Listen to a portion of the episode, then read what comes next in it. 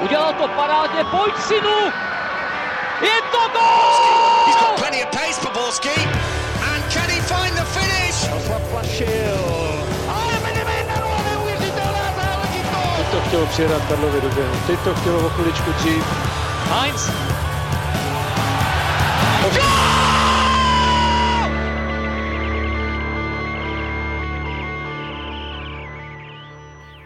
Dobrý den, Vánoce se pomalu, ale jistě blíží, ale pořád k ním nějaký čas zbývá, což znamená, že Liga jde dál a tím pádem taky Fotbal Focus podcast. Tak vítejte u jeho sledování či poslechu. Tentokrát se podíváme na žhavé zboží z Českých Budějovic a možné nápadníky.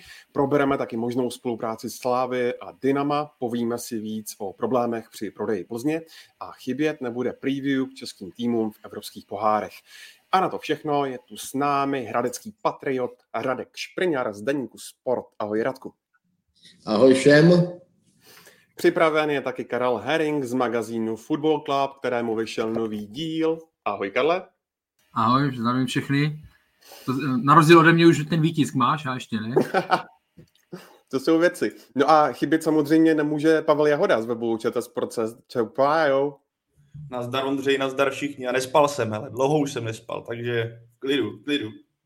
Od mikrofonu zdraví Ondřej Nováček a pojďme začít u zářících hvězdy Českých Budějovic, Fortuna Besiho a možné spolupráce se šívaných eh, s Dynamem. Když to Radku vezmeme z pohledu elitních týmů, tak jak Basy teď aktuálně je uh, žhavým zbožím v rámci ligy a ne třeba nejžavějším. A kdybys měl být konkrétní, tak kdo všechno kolem něj krouží? Tak uh, Basy určitě patří mezi, já nevím, top tři hráče, které uh, by mohl být v tom příštím transferovém okně největší zájem. Asi není tajemstvím, že se okolo něj točí Sparta se Sláví, nějaký kontakty údajně probíhají se zahraničím, konkrétně s Ferencvárošem maďarským. Český Budějovice se netají tím, že eh, by hráče chtěli zobchodovat, protože teď prostě přichází ten ideální čas, když eh, on se tímto způsobem ukázal v naší lize, má 17 zápasech 8 branek. No vlastně, co je na tom ještě zajímavější, že vlastně první ligu hraje eh, prvním rokem a teprve v ní sbírá zkušenosti. Přesto je takhle produktivní, je taky potřeba vidět, že on teda spoustu šancí zahodil, ale což si nemyslím, že by mělo být zrovna jako něco, co by mělo být kýži, protože prostě je vidět, že v těch situacích, nebo do těch situací se dovede dostat, je aktivní náběhový, je jako velmi fyzicky slušně disponovaný a když prostě bude chtít na své pracovat, tak si myslím, že má před sebou velmi zajímavou budoucnost. Zatím, co vím, tak je to zatím takový našlapování, Eh, konkrétně třeba od Slávy, tak eh, údajně tam není eh, na stole mm, jednoznačná nabídka, protože Slávě řeší ještě případný přesun Čvančary z Jablonce nebo, nebo Fili z Mladé Boleslavy. A údajně snad by tyhle dva hráči ještě měli být výš než, než basy. Jo? A takže, takže je otázka, jak, jak, se to, jak se to všechno vyvine. Eh, uvidíme, každopádně prostě basy je žavý zboží, jednoznačně. Karle, žavý zboží, eh, když to vezmeš eh, z pohledu dosavadního ročníku ligového, tak je to pro tebe největší překvapení třeba na úrovni takového, jako byl minulou sezónu Abdallah Sima? U to srovnání by bylo fajn, kdyby České Budějovice hrály v evropských pohárech, protože Abdullah Sima se prosazoval i na této úrovni, takže je to určitě o, level o dva e, stupně výš, prosazoval se ve Slávi a prosazoval se i v Evropě.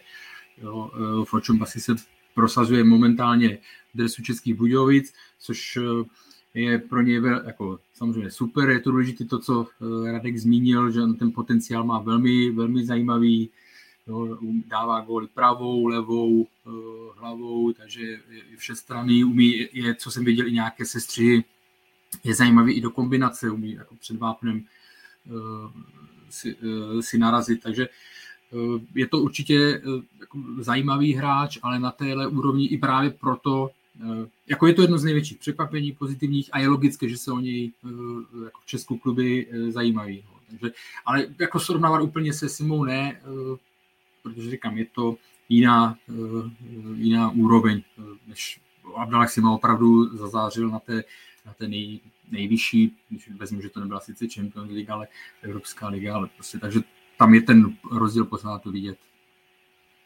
Ale ten potenciál, jak jsem zmínil, ten potenciál je, je velmi zajímavý, eh, rychlostně vybavený, podrží si, podrží si balon, umí si uh, udržet hráče za zády, to bylo vidět, uh, respektive jako v souboji to ustojí, to bylo vidět s tím, se Slováckem, kdy to dvakrát takhle vyřešil, takže určitě, určitě jeden z hráčů, o kterém se logicky musí ty přední nebo nejlepší české týmy zajímat. Tak navíc bych u něho vypíchl schopnost prvního doteku, který je u něj velice solidní ve spojitosti s rychlostí a co se mi na něm líbí, porovnání s, těmi, s těmi jmény, co tady vypíchl Radek, tak jeho schopnost jít do, do driblinku, respektive jít do souboje na jeden na jednoho. Když se podíváme, třeba to srovnáme s Čvančarou, ten zkus, zkusil do posud za celou sezonu čtyři driblinky nebo čtyřikrát někoho odejít, tam má procento 33% nebo úspěšnost. Zatímco Basi je v tomhle v lize na 17. místě a má tu úspěšnost kolem 60%. Že jo? Takže v tomhle, on mě, v tomhle on mě baví, protože tenhle typ hráčů já mám rád, kteří se právě nebojí jít na nich je, cítí to sebevědomí a obecně to, v deníku Sport byl i rozhovor, pokud se nepletu, s Jakubem Horou, který on mluvil o tom, že Basi je nastavením, že chce hodně dokázat, že jak je takový ten hráč z té Afriky, který vyšel z nějakých poměrů, chce se posouvat a dál a dál a pro tyhle kluky uh, je právě nastavení, že v České lize pro ně určitě není vrchol, že mají tu vizi trošku někde jinde a tohle může popohánět dál a v tomhle může být výhoda toho, proč Basio koupit. Navíc, když tady Ondro mluvil o Simovi a o tom, jak se mu povedl ten rok ve Slávi, tak to, že právě Basy nehrál evropské poháry, neukázal to, tak zase může být výhoda pro toho kupujícího, že ta cena nebude tak astronomická. Obecně se tady bavíme, že český prostředí těch ofenzivních a navíc technicky ofenzivních hráčů neprodukuje tolik. A tenhle případ mně přijde taková jako jehla v kupce cena, až když se fakt podíváme na to, co on je schopný a na to, že ta cena nebude tak vysoká, protože pořád je, jsou to Budějovice, pořád je to půl rok, který on absolvoval v té lize skutečně dostatečně, aby měl ten, nebo aby měl ten potenciální kupce dostatečný vzorek toho, jak se prezentuje v nejvyšší soutěži. Radku, uh, potenciálně o jaké sumě se tady bavíme vlastně? Je, ta, je tam potřeba vidět uh, potenciál toho hráče, zase na druhou stranu uh, první lize působí vlastně jenom první půl rok, takže taky tam eh, je určitá eh, taková, bych řekl, pochopitelná obava z toho, jestli on je schopný eh, se na této úrovni udržet delší dobu. Tyjo, já kdybych měl říct, kdybych měl říct částku, tak si myslím, že by se mohlo pohybovat někde, já nevím, okolo milionu, milionu eur možná třeba milion a půl, nevím, nevím. Jako takhle bych to nějak, takhle bych to nějak asi, asi odhadoval. Samozřejmě, že tam do toho můžou promluvit i nějaký vztahy uh, Slávě s Českýma Budějovicema a i třeba jiný obchody, uh, kterou by tu cenu mohli někam posunout jinam, spíš níž teda a uh, takže asi takhle, takhle bych to viděl. Padla tady Slávia, Sparta, mm, eventuálně třeba Ferencvároš. Kdo případně by měl teď ke koupi Basiho nejblíže? Záludná otázka, Ondro. Jako, když to, jak zmínil Radek, no, tak tady od, že jo, Slávě, jestli má výhled, ještě spekuluje o Čepančarovi a Filovi, navíc musíme brát v potaz jednu věc, ke které se dostaneme a, a bude to asi záležet na tom obchodu, jak si povede Sparta i Slávě ve čtvrtek v pohárech, jestli dokážou se přesunout do jarní části, a budou mít aspoň jistotu dalších dvou zápasů a potenciálního vyššího vytížení, nebo naopak eh, přes tu bránu nepřilezované notí ty zápasy ubydou, protože jestli se nepletu, nepletu, tak třeba v případě Slávě, že máš kuchtu, eh, pokud neodejde, což zatím nejdou žádné asi takové spekulace, ale tak člověk nikdy neví, kdy přijde nějaká zajímavá nabídka a máš Krmenčíka, pokud se nepletu do konce sezóny na hostování, takže eh, kdyby se hrála třeba jenom v případě Slávy, doufejme to tak, že to tak nedopadne, ale jenom liga, tak máš dva nadstandardní ligové útočníky, ještě do toho Basiho, uh, tak je otázka, jestli by neodešel, třeba nezůstal v Budějovicích do konce sezóny na hostování. V případě Sparty je to asi otevřenější, protože vidíme, že tam ta útočná jednička se zatím dlouhodobě nedaří najít. Navíc trenér Vrba se nebojí zasazovat takovéhle typy do sestavy, když třeba porovnáme Plzeň, která že jo, tam má Bogela s Chorým, dva vysoký hráči, co dokáží uhrát třeba hlavičky, což a jsou lepší v soubojích, což Basiho úplně není silná stránka, ale má třeba podobné čísla, co jsem se koukal jako Jan Kuchta, takže on to není nějaká úplná anomálie. Ale třeba v tomhle směru, kdybychom tam asi měli ho zasadit okamžitě hned do nějaké sestavy toho špičkového týmu, tak by to nejsnáz šlo asi v případě Sparty. Ale tam nevím, jak, jak silný třeba ten zájem je v tomhle případě. Ono se o tom jako celkově v té fázi ještě složitě diskutuje, jednak tak jak i naznačoval Radek, jo, asi to ní, v žádném eh, z těch klubů není úplně, že už by tam ležela nabídka na stole a tak dále, zvažují to, ale ono taky v roli v tom může hrát, eh, jako kdo půjde ven že, z těch, z těch hráčů. A teďka se můžeme bavit o Spartě, jestli, jestli Adam Ložek by šel teďka v zimě, nebo jestli, jak to bude, jak to bude v případě Slávie, protože aspoň co tak prosakoval v průběhu podzimu, tak se s nějakými Eh, případnými odchody pár eh, počítalo, ale zase to je jenom jedna věc je plán a druhá věc je pak realita, protože ta realita na tom přestupovém trhu je přece jenom jiná, odlišnější eh, v porovnání s dobou před covidovou, že ty všechny, všechny ty věci jsou složitější a můžete mít hezké plány a stejně vám to stejně vám to třeba nevíde. Jo. Takže těch, těch jako proměných je tam, je tam celá řada, že chtějí Budějovice prodávat, nebo chtějí, že logicky budou chtít zpeněžit, je, je jasné a u nich asi nezáleží na tom, jestli zima nebo, nebo léto oni budou potřebovat ve chvíli, kdy je asi ten, jako ta suma nejvíc na vrcholu. A on v té České lize úplně tu svoji sumu jako ne, nenávyší, když dá třeba 15 gólů, tak ně, něco málo, ale tím že, tím, že to bude jenom pořád v České lize, tak ta suma nikam jako eh, ne, nevyskočí. No, myslím si, že kdybych si měl typnout, eh, kam by odešel eh, v České lize, tak si myslím, že Plzeň v tuhle chvíli asi ne, protože tam nemají vyřešený prodej, byť tam se dá předpokládat, že, eh, že třeba Jean David Bugel by mohl klidně třeba v zimě klub opustit, protože mu končí smlouva v létě. A, a on se navíc netají ani tím, že by, že by klidně jako z Česka prchnul dlouhodobě, a, a znovu opakuju, když si vemu nějakou blížící se užší spolupráci s Českými Budějovicema, tak si myslím, že asi by spíš směřoval eh, do Slávie.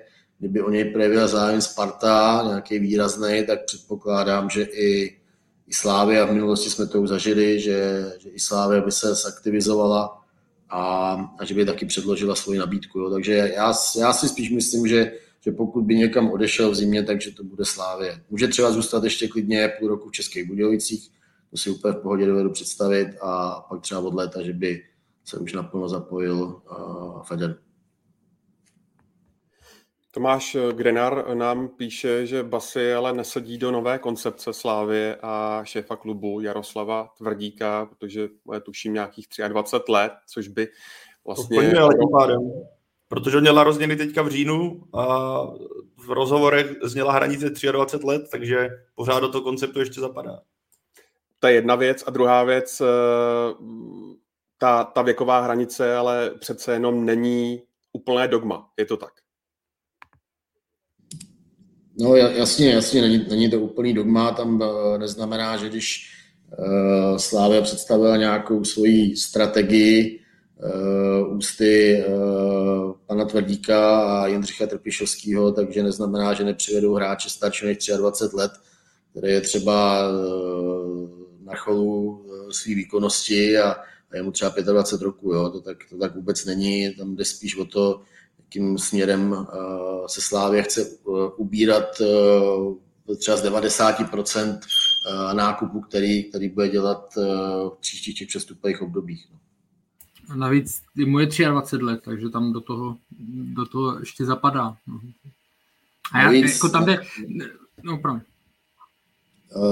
Navíc výhoda Basiho je, že že on tady v Česku není první půl rokem, že on má svoji, svoji historii tady a vlastně poprvé tady se objevil už v roce 2017, takže i nějakým způsobem zžitej s prostředím, je zvyklý na zemi, tady na ty, na kulturu a, a je prostě tady etablovaný, což, což je samozřejmě hrozně důležitý pro tyhle africký hráče.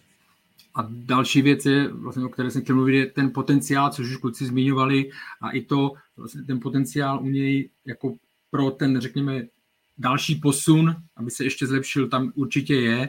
Je to zajímavý hráči směrem, jako řekněme, eh, jako k evropskému, evropskému fotbalu, a teď neříkám tomu nejvyššímu, ale k evropskému fotbalu, protože opravdu tam ta akcelerace, rychlost tam je, kontrola míče je dobrá, jo, takže ten potenciál tam, tam eh, určitě je. A to, co zmiňoval Radek, pokud, nebo Pavel, pardon, eh, že na tom mluvil Jakub Hora, u tady těch hráčů ono je to obecně to platí, ale samozřejmě my, my když eh, se na to díváme někdy, jakože porovnáváme českého hráče a zahraničního, tak vždycky u toho zahraničního často zmiňujeme, eh, záleží, jak moc chce pracovat. Jo? A, a vlastně to jako, eh, nebo jak se to vyvine, jestli mu sláva nestoupne do hlavy, ale většinou tady tyhle věci řešíme u zahraničních hráčů, neřešíme to ani tak u, u českých, jo? tam to tak nějak automaticky berem, ale takže u něj pokud zmiňoval Jakub Hora, že je, má velkou chuť, tak to je pro jako potenciálního zájemce eh, to nejvíc. No. Zároveň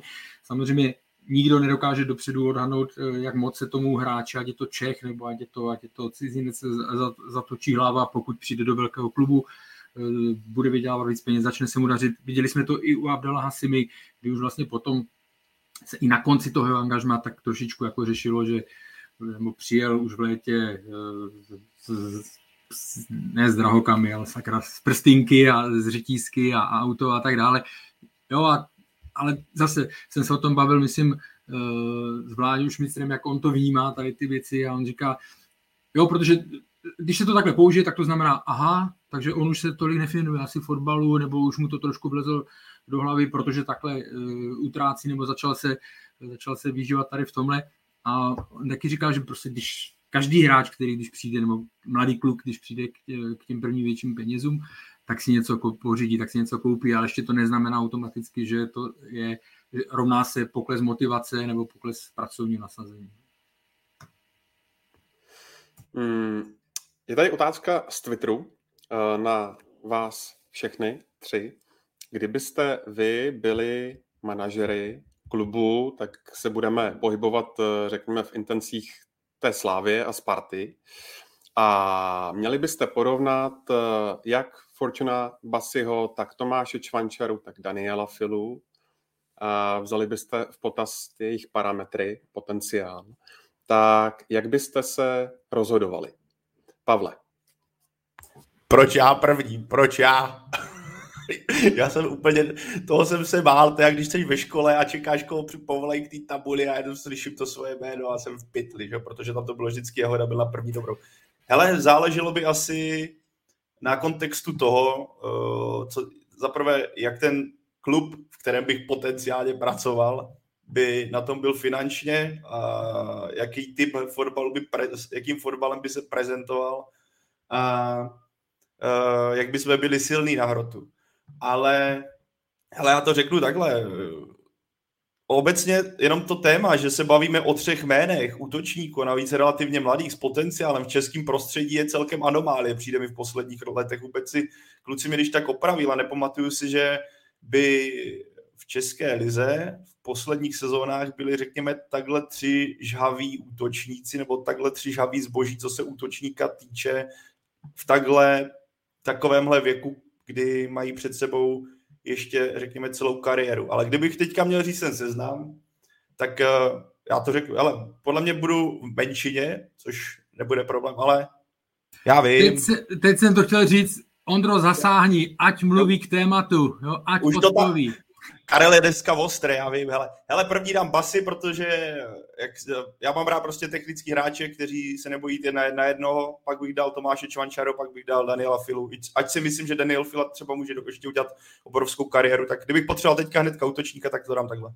A pardon za okecávačku. Už jsem fakt chtěl do toho vstoupit, je dobře, že jsi tam dal ten, ten příspěvek. Uh, dobrý dotaz, dokonce mě donutil, ráno jsem si musel, nebo pustil jsem si uh, klipy gólů uh, Tomáše Čvančary a Fortuna Basiho. Uh, uh, u Daniela Fili jsem tam si myslím, že ještě, když se budeme bavit opravdu o teďka, o, zimě, tak si myslím, že to je ještě uh, brzy pro klub typu uh, Sparta Slávě nebo investice do budoucna. Jako mně se, da, uh, Tomáš Čovančara je víc, uh, je, je víc dovápna, je to tam vidět góly hlavou uh, proti i v Evropě dával že po rozích góly pravou nohou, umí si vybrat místo a tak dále, ale je to takový fakt jako hroťák do vápna.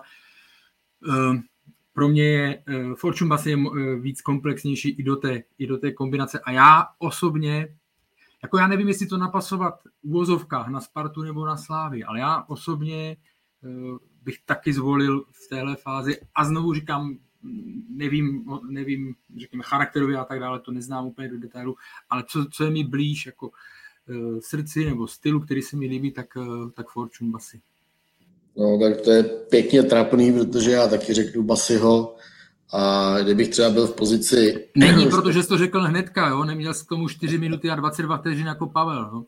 Já jsem to počítal, minut, minuta 45, ale já jsem, já jsem si dal takovou one-man show. Eh, kdybych byl v pozici sportovního ředitele Slávy nebo Sparty, tak asi bych měl taky na tom seznamu možná nejvíc Basiho, nebo bych ho nejvíc chtěl i vzhledem k tomu, že si myslím, že basy ze všech tří, tak nebo aspoň na mě to dělá je to prostě můj názor, že nejvíc si myslím, že do budoucna je nejvíc adaptabilní na, na evropskou scénu, což Sparta a Slávě chce hrát a chce tam být úspěšná. A myslím, že by se ze všech těch tří hráčů dal pak eh, nejlíp zhodnotit eh, na trhu a že by eh, kluby na tom prostě mohly vydělat víc, než kdyby si přivedli Čvančaru s Filou. Já ještě doplním, Pavel zmiňoval ty statistiky a, a navážu na tu nebo Evropu, jako taky si myslím, že on je pro řekněme, evropštější nebo evropský fotbal má větší, uh, lepší jako dispozice.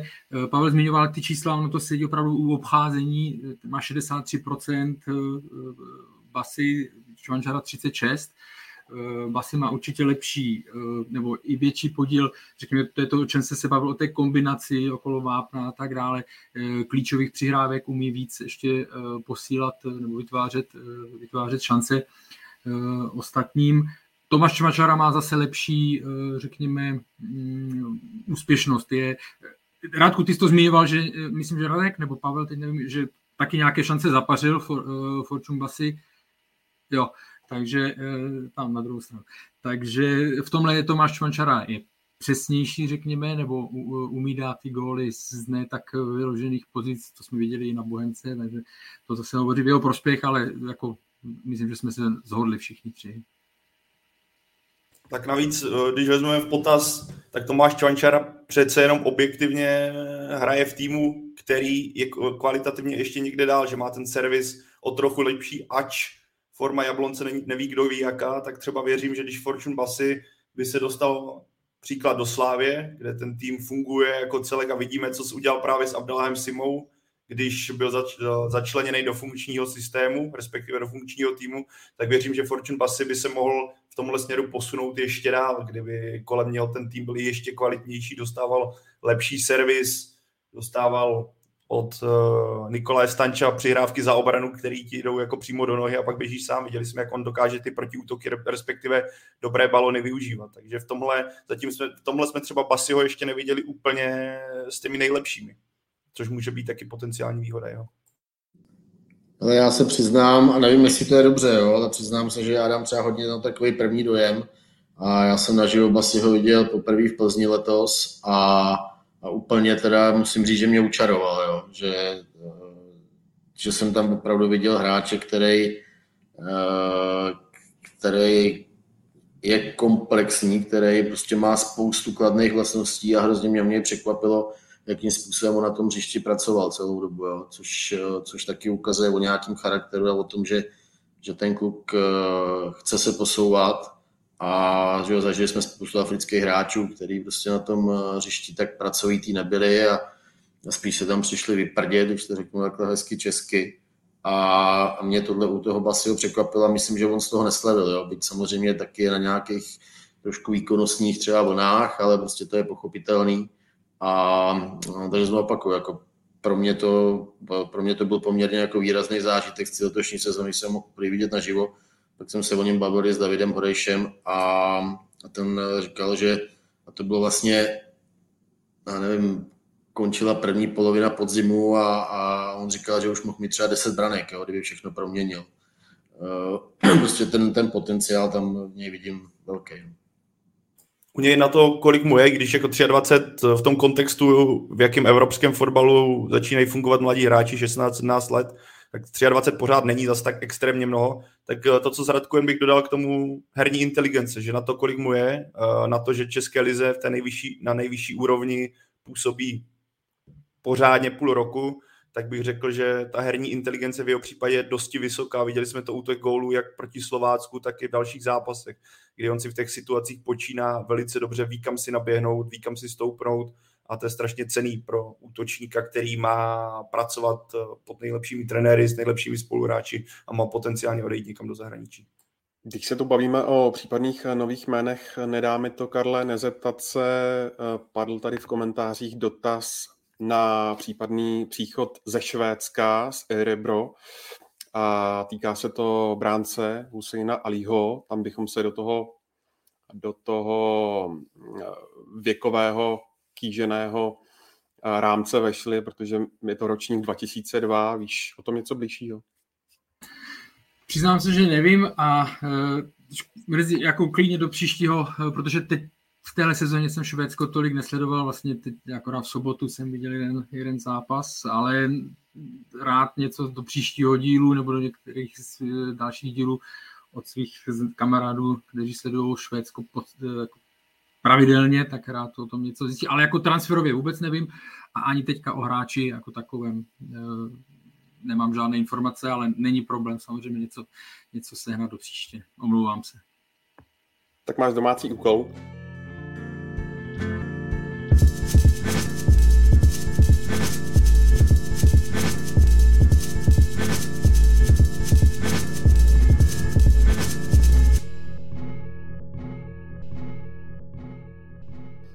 Ještě abychom se dotkli té případné avizované spolupráce eh, Českých Budějovic a Slávě, o nich jste eh, Radku referovali v deníku Sport. Kdybys to měl odhadnout třeba procentuálně, zda k tomu dojde, třeba teď v zimě nebo v létě, anebo zdali vůbec, tak kolik bys tomu dal? To je, mě kladeš docela složitý otázky, ale tomuhle se asi vyhnu, teda promiň. Řekni, že už to probíhá. Nicméně asi d, i vlastně veřejně už to říkali i zástupci Slávie, že, e, že tady ta užší spolupráce s Českými Budějovicemi by se jí zamlouvala. E, co víme, tak Českým Budějovicím nebo vedení klubu Českých Budějovic, tak se tomu vůbec nebráněj. Slávia vlastně má pro rozvoj talentů, tak, tak využívá Vlašim, tohle by pro ně byla vlastně další taková eh, možnost, jak eh, hráči, kteří nebudou eh, vytíženi, nebudou mít prostě šanci na, na větší herní čas ve Slávi, tak, takže by získávali zkušenosti v Českých Budějovicích. Samozřejmě, že to musí mít nějaký, ta jejich spolupráce, nějaký parametry, aby, aby to nějak nepřekročilo prostě regule nejvyšší soutěže nebo profesionální soutěži u nás a samozřejmě, že jsou tam určitý, určitý spojitosti, třeba návaznost eh, Jaroslava Tvrdíka eh, s majitelem Českých Budějovic eh, Vladimírem Koupkem. Je tam i, řekl bych, obdiv pro práci Jindřicha Trpišovského ze strany Davida Horejše, ale opačně to platí úplně stejně, že, že ve Slávii si uvědomují, že David Horejš odvádí v Českých Budějovicích velmi dobrou práci a, a dlouhodobě a, a že tam umí uh, hráče zlepšovat, uh, což vlastně je uh, obrovská devíza třeba práce Jindřicha Trpišovského. Takže prostě má to, má to velmi jako výrazný styčný body a, a myslím, že že k nějaký spolupráci, že, že určitě dojde a třeba i v brzký, brzkým čase. Doplňuji jenom Radka, ještě třetí vlastně jako propojení je uh, Jiří Miller, uh, Tomáš Sivov, že vlastně, který jasně, jasně. teďka vede Dynamo České Budějovice a byl to hráč, který byl v agentuře Jiřího Millera. Ale ono už vlastně k té spolupráci nějak de facto dochází, že jo? viděli jsme, je tam po druhé je tam Mick van Viren, je tam Patrik Helebrand, takže tam jenom opravdu bude jako fakt záležet na tom, jak to bude nastavené, protože viděli jsme, co to způsobilo u Liberce a jako principiálně, principiálně, když se na to podíváme, tak jako mluvit o spolupráci dvou klubů z jedné soutěže. Mi přijde, absolutně nemám problém, že když je jako Alá Farma nebo něco v druhé lize nebo to, nebo v jiné, v jiné lize. Ty týmy, které mají hodně hráčů zahraniční třeba, tak si najdou klub v jiné, v jiné zemi, eh, koupí ho a, a pak můžou kooperovat, že samozřejmě. Ale jako to, tohle je velmi ošemetné téma, když se bavíme nějak o spolupráci. A teď je otázka, jakým způsobem by to bylo nastavené, jestli to bude spolupráce ve stylu, dobře, tak tady máte tři hráče na hostování, anebo jestli to bude podobný extrém, který byl před eh, že v minulé sezóně, kdy tam bylo ze Slávy snad šest hráčů v Liberci. Jo. Takže to zase může pak vyvolávat pochopitelně velké rozpaky, protože je to pořád jako konkurenční soutěž a ve chvíli, kdy tam dojde k nějakému úzkému nebo teoreticky či k užšímu propojení dvou týmů, tak je to Mm, tak je to špatně, no, tak je to určitě na zamyšlenou. No, přiznám se, že si úplně nedovedu představit, že by to fungovalo delší dobu, jako to fungovalo třeba ten rok, eh, rok Liberci. Myslím, že by to nebyla správná cesta eh, pro Český Budějovice a já předpokládám, že oni si jsou toho vědomí, protože eh, Liberec pak na to dá se říct doplatil a Eh, takže já si myslím, že, že by šlo třeba, nevím, maximálně o polovinu hráčů, eh, kteří by třeba se mohli ze Slávy přesunout na určitý období do Českých Budějovic. No, nemyslím si, že by to byl tak jako takový masivní exodus, jako, jako jsme sledovali v té minulé sezóně.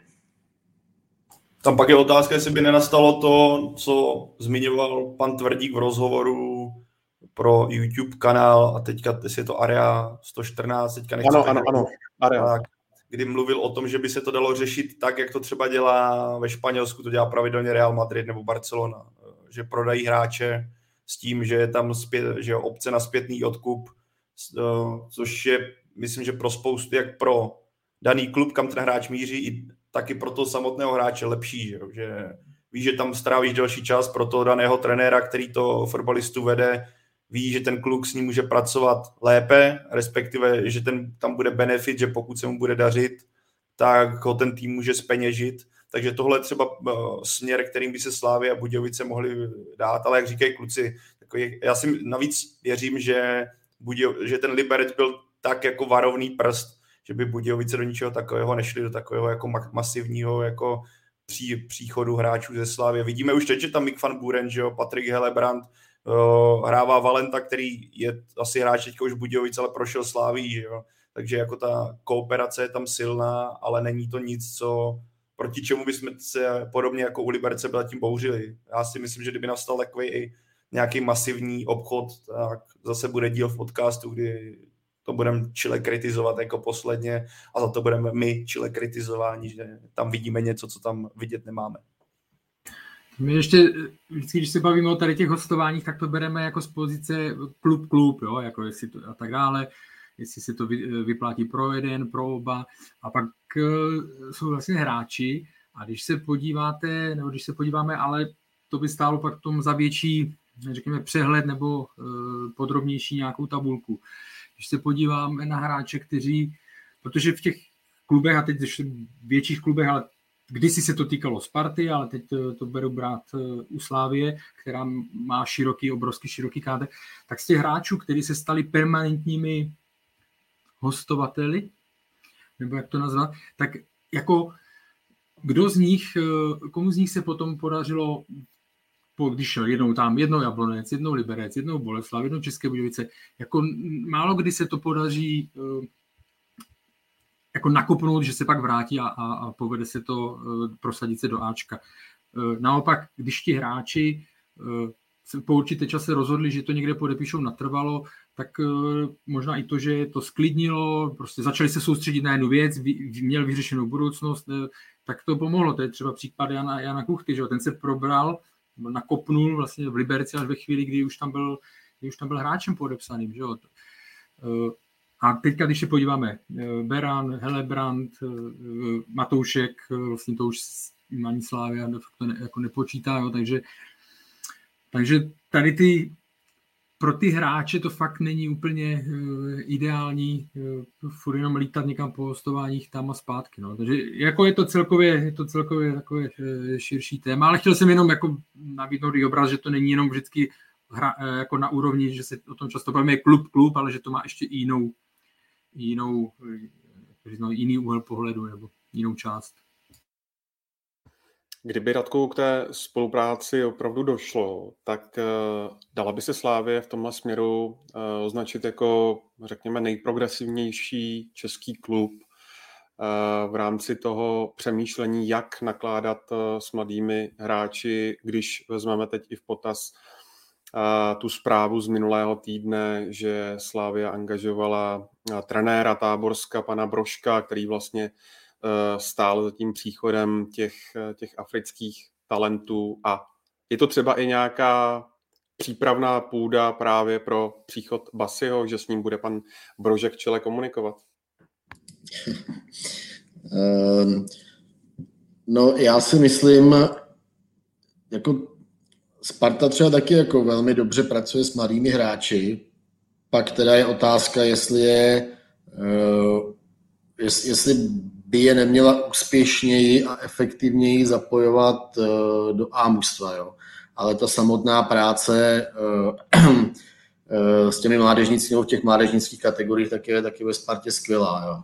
A a co se týče Slávy, mě je prostě sympatický, že, uh, že Slávia přemýšlí o budoucnosti, jakým směrem by se ten klub uh, měl vyvíjet a, a posouvat především. Jo.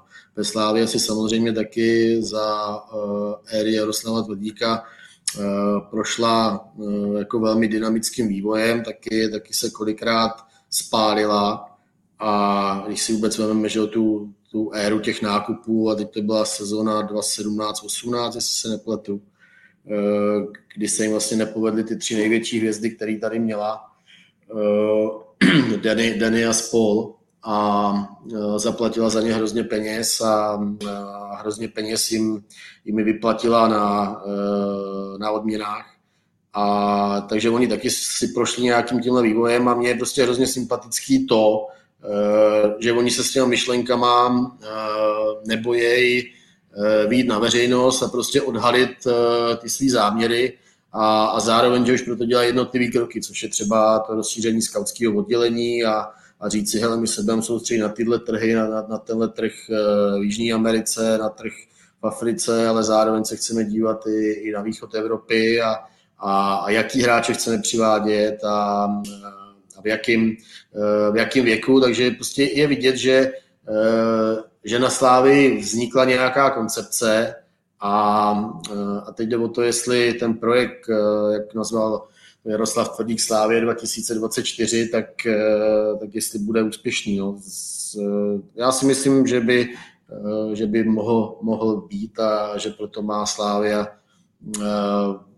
jako dobře nakročeno a že má zajímavý know-how.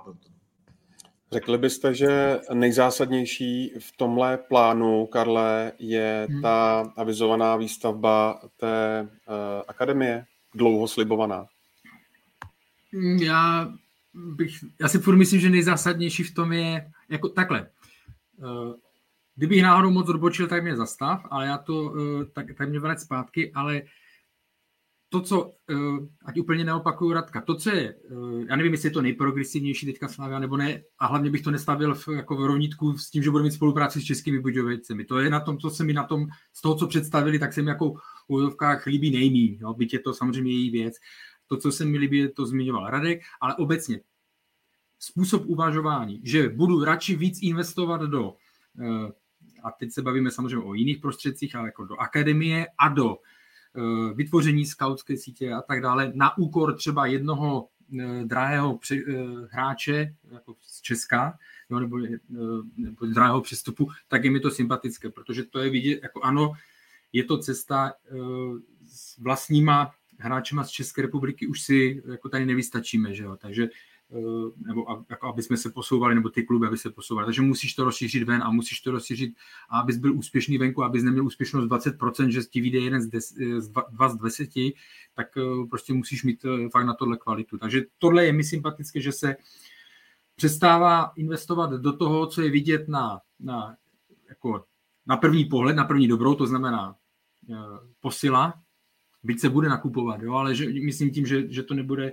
že se prostě eh, ty priority mění, to je v pořádku. Souvisí to s tím, eh, v jaké je samozřejmě eh, Slávia situaci, tím myslím, že už nemůže se opřít, a oni se tím netají, že se nemůže opřít o, o peníze od majitele, že musí hledat svoje cesty a ty jsou z poháru a z přestupů.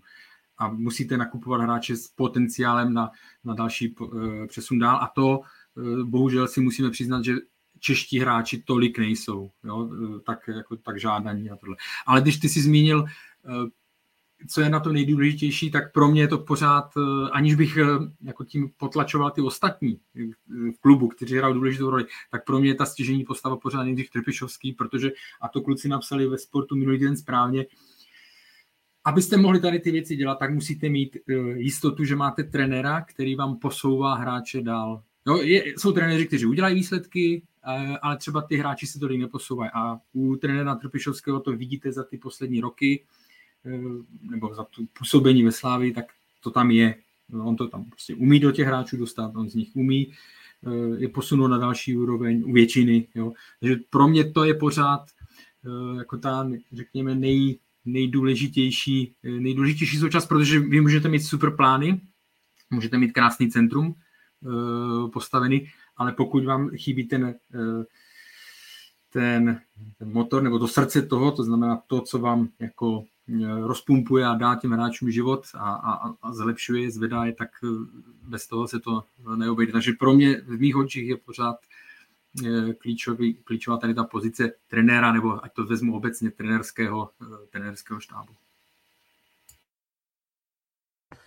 Tak abychom to zakončili klasickou typovačkou, půjde podle vás uh, basy teď v zimě o dům dál? Já řeknu ano, ale nevím, jestli tam nezůstane na hostování, ale ano, přestoupí. No a teď má Pájo 8 gólů, tak kolik typuješ po těch, kolik nás čeká ještě kol? Dvě kola? Snažím najít, s kým ještě Budějovice budou hrát, víš? Sigma a, a Ježíš. No ale vystřelíte jedno, vy tady budu prodlužovat. Dá, dá jí 10, po podzimu jich bude mít 10. Eh, Sigma a Liberec venku. Sigma doma, Liberec venku. Tak krátko můžeš. No tak já si myslím, že zůstane na 8, že už se netrefí eh, do konce podzimní části a myslím si, že eh, myslím si, že basy v Českých Budějovicích bude působit i další půl rok, ale už bude vědět, kam zamíří létě.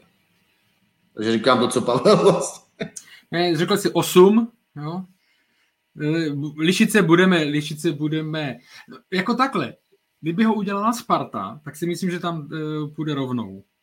Jo? Kdyby ho udělala Slávě, ke které to podle těch zákulisních jako nějak zatím víc směřuje, tak si myslím, že by platila varianta uh, Jara, no, takže jsem neodpověděl, ale konkrétně odpovím, eh, že, dá, že bude mít po podzimu 9 gólů.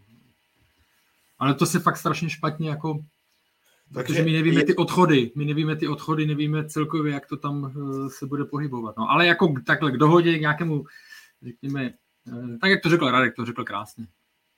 Jestli se z nás, z nás někdo na, do té golu netrefí, tak se panu Basimu tady ukloním po konci, protože jsme si to tak jako pojistili tady, 8, 9, 10. Jakože mu statistici odeberou a bude mít 7, jo? No to bych mu, to bych se mu taky uklonil, ale spíš se to myslí, tam asi 11 plus. Ještě než se vrhneme na Plzeň, tak je tu dotaz od Honzy, uh, K, to je jako z románu France Kavky. Eh, nevím, jestli to je pozvánka na zájezdové představení, ale pánové, umíte si představit, že jste v sále a diskutujete o fotbale před 420 lidmi, jako tady na streamu. Teď už upozorňuji, že jich je 550. Hele, jako klidně, když tam na mě někdo ne, nezačne skandovat, Jahoda, ty jsi svině. A plexisklo, mě, plexisklo. Tak, a nezačnou po mně plivat, tak si to dokážu představit. No, ne, je to, eh, je to, eh, bylo by to ne, jako zajímavá zkušenost, nervózní by to bylo určitě na začátku, protože když jsem to zažil vlastně s, s Angličanem, jsme měli takové, že piva, piva s Angličanem, tak tam přišlo 60, 70 eh, lidí a, a jako je to zajímavá zkušenost eh, a člověk se učí, protože je něco jiného mluvit takhle doma do mikrofonu nebo i do kamery, když eh, jako nevnímáte, vidíte to přímý přenos, ale nevnímáte ty kamery, tak se bavíte pořád se třema se třemi lidmi, co jsou ve studiu, ale jako když pak tam sedí tolik lidí, až 420 nebo 500, to není určitě málo, tak by to bylo hodně zajímavý a potřeboval by se člověk na to hodně připravit. No, kdyby tohle česká televize zorganizovala chlapci, tak mě by to lákalo samozřejmě. Jak říká Karel, zajímavá zkušenost určitě. Tak, takže, takže na jaře pro 500, pro 500 520 minimálně. To bude nějaká desátá vlna nebo patnáctá?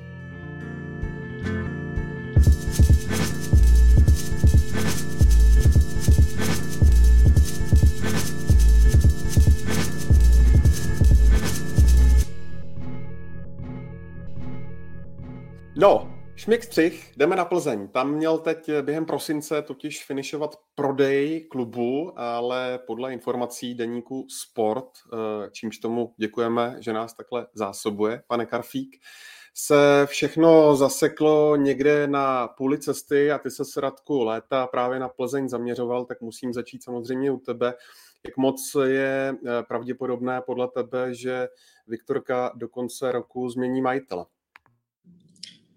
Eh, no tak já jenom, abych tady vyzdvihl kolegů, tak eh, o tyhle věci nebo vůbec o celou tuhle eh, záležitost se stará Jakub Konečný, takže ten přinesl mm, na konci minulého týdne informaci, že, že ten prodej klubu trochu trhne, že z těch původních čtyř zájemců, takže už jsou ve hře víceméně pouze dva, že už neplatí eh, zájem, eh, zájem, počkejte teď, abych, abych tady na to nezapomněl, zájem společnosti Genius Sports a, že mezi vlastně těma dvouma tak už je pouze rodina Platekových a potom investoři, kteří jsou, dá se říct, navázaný na, na Františka Kvalovského a, a, a jsou to lidi, kteří se pohybují, eh, nebo je to společnost, která je ze Švýcarska, jsou to lidi, kteří se pohybují okolo sportu, eh, mají tam být právníci. Eh, František Chvalovský nám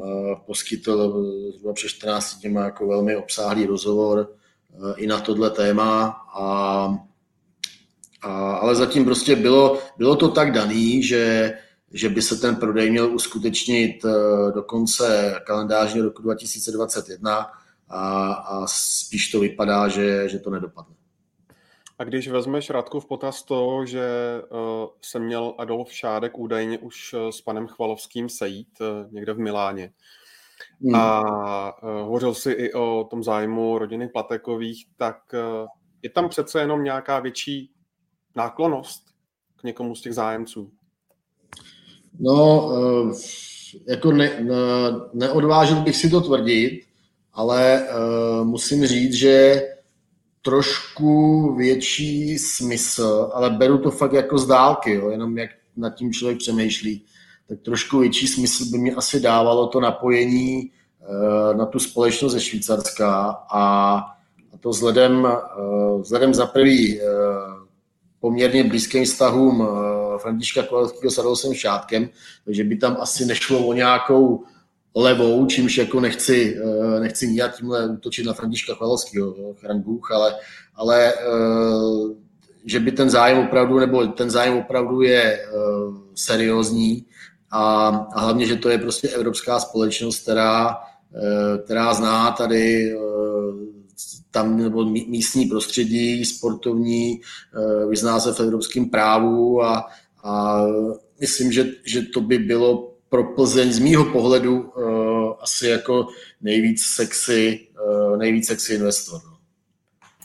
Ale říkám, jako neznám, neznám uh, parametry, detailní parametry těch nabídek, což je samozřejmě strašně důležitý, jako uh, hraje v tom roli spousta věcí, uh, mimo jiné i to, jestli Adolf Šádek zůstane generálním ředitelem klubu, což třeba právě přes tu osudu Františka Chvalovského si myslím, že by šlo snáze domluvit, než třeba eh, s těmi americkými investory, respektive s rodinou Patekových. No. Ale říkám, je to prostě, eh, ty informace se velmi těžko jako získávají a, a takže možná ať mě, mě posluchači berou s rezervou, ale prostě tak nad tím přemýšlím.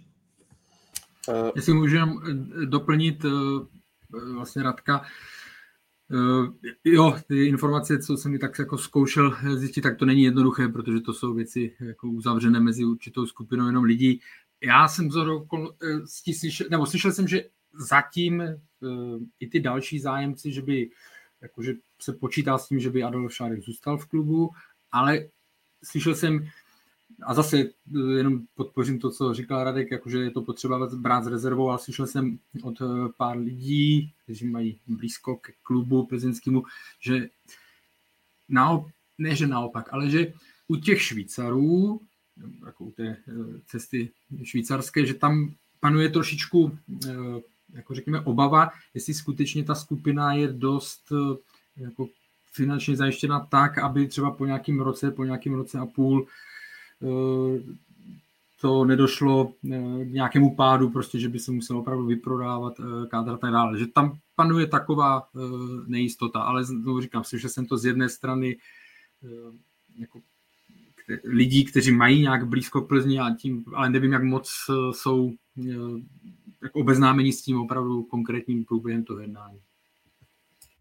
Neviděli byste v tom kluci um, v případě Františka Chvalovského takový trochu závan starých časů, když eh, vezmeme v potaz tu jeho kontroverzní minulost eh, v roli šéfa Českomoravského fotbalového svazu a následných deset let eh, za tunelování, kdy pak dostal amnestii od bývalého prezidenta Václava Klauze, tak neviděli byste v tom jeho zastupování těch potenciálních švýcarských investorů jako, jako takový návrat eh, těch dřevních dob českého fotbalu. Koukám, se nikomu do toho nechce. Pavel je zbabělec. Jak já? Já jsem tam dostal Neklikal si, vůbec si neklikal. Já jsem teďka, já teďka poslouchám tuhle část. Vy jste na tohle zdalci.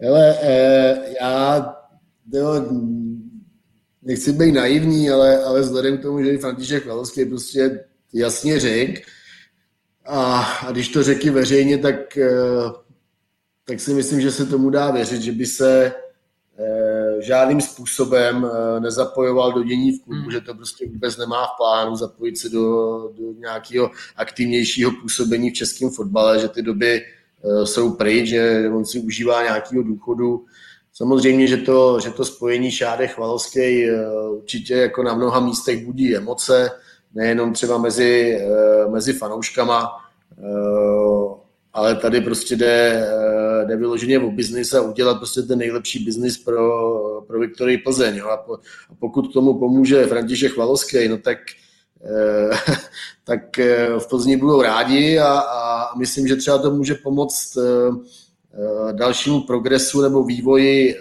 Plzně a, a může z toho třeba v budoucnu profitovat i český fotbal. Jo? Jako dívám se už hodně daleko, ale, ale eh, já bych tohle prostě úplně, úplně z minulostí nespojoval. Něco jiného by samozřejmě bylo, kdyby, kdyby František, tam, František Chvalovský tam působil jako nějaký zákulisní hráč a, a tak to samozřejmě uh, si myslím, že by nebylo dobře. No. Jo, hlavně souhlasím s tou druhou částí, eh, vlastně, co zmínil Radek. Jo? To znamená, že jako, kdyby opravdu figuroval v nějaké funkci, jako kdyby ve vedení klubu a tak dále, tak by to, eh, tak by to nebylo, eh, nebylo dobrý, protože jako směrem zase k image klubu a tak dále, protože je to prostě osoba, byť ve fotbale dlouho působili úspěšně, tak je to pak osoba s kontroverzní minulostí a tak dále. A, ale jako tady ta, ta zprostředkovatelská role, to si myslím asi, že jako to ještě doka- jsem ochotný akceptovat. Ale na mě, na mě nezáleží v tomhle úplně. Ještě s tím možná souvisí taková, řekněme, hypotéza. Je tady dotaz uh, stran toho, zda investoři nemají obavy, jak skončí kauza Berber a tak vyčkávají. Co si o tom hmm. myslíte? No jestli je to myšleno tak, uh, jakože by mohlo vyskakovat z dalších odposlechů a něco, co by se týkalo tak to chápu. Viktorie Plzeň, tak jako v zákulisích se spíš mluví o, že o jiných klubech, že by tam mohli vyskákat, jo, nejenom jako, jako Vyšehrad a v jiných předních klubech. A, takže a bude otázka, a to samozřejmě souvisí potom už, jaká bude nálada na, na ministerstvu vnitra a tak dále, nakolik se to tady ty věci pak objeví veřejně. No. Takže, ale, ale v tuhle fázi jsem neslyšel a zase nejsem v tomhle tak hluboce zainteresovaný jako Luděk nebo další, nebo kluci, kluci ve sportu, ale jako o, o, o tom, že by se tam nějak hlasitě mluvilo o Viktorii Plzeň, tak to jsem neslyšel. Um, no, um, bych to řekl... Um, Asi jo, něco. Že co mám informace, tak, uh, tak tam Plzeň figuruje taky. Um, je, je pravdou, že, uh, že údajně některý, některý kluby nebo klub tak poněkud uh, víc a, a když to řeknu v úvozovkách jako uh, atraktivnějc, ale uh, pokud by měl investor čekat na to, jak dopadne kauza Berber, tak by si musel počkat pět nebo sedm let, protože prostě to se bude táhnout. Uh, není to prostě jednoduchá kauza, nemyslím si, že by se měla vyřešit v horizontu dvou let. Jo. Uh, podívejte se, jak, jakým způsobem se táhla kauza Miroslava Pelty a, a těch dotačních machinací a ještě se táhnout bude, protože se předpokládá, že eh, to rozhodnutí eh, vrchního soudu ve věci odvolání, tak, eh, takže bude někdy na podzim příštího roku. A byť ta kauza teda byla opravdu jako složitější, si myslím, než, než ta, co se týče Romana Berbra, ale prostě táhnout se to bude a bude se to táhnout roky, takže to jako ne, ne, není věc, která by se prostě měla vyřešit během, během jednoho, uh, jednoho roku nebo několika měsíců, takže pokud by měl investor jako čekat na to, jak to dopadne, tak, tak se nedočká. Radku, proč myslíš, že z toho ti potenciální investoři vycouvali? Eh, je to hlavně kvůli té častokrát zmiňované due intelligence, tedy jakému si prověřování hospodaření toho klubu. A znamená to, že se snad ve Viktorce nehospodaří uh, úplně tak, jak by si představovali? Uh, no tak asi jako samozřejmě, že uh, pro, pro každý obchod uh, tak je samozřejmě hrozně důležitý, aby, aby ten potenciální zájemce tak věděl vlastně, nebo znal od A do Z účetnictví toho klubu, kde má jaký závazky a, a, a v jaký výši. No, co se týče Plzně, tak se mluví o tom, že, eh, že má nějaký závazky někde přes 100 eh, milionů korun, mluví se možná až o 150 milionech, plus eh, k tomu musíte připočítat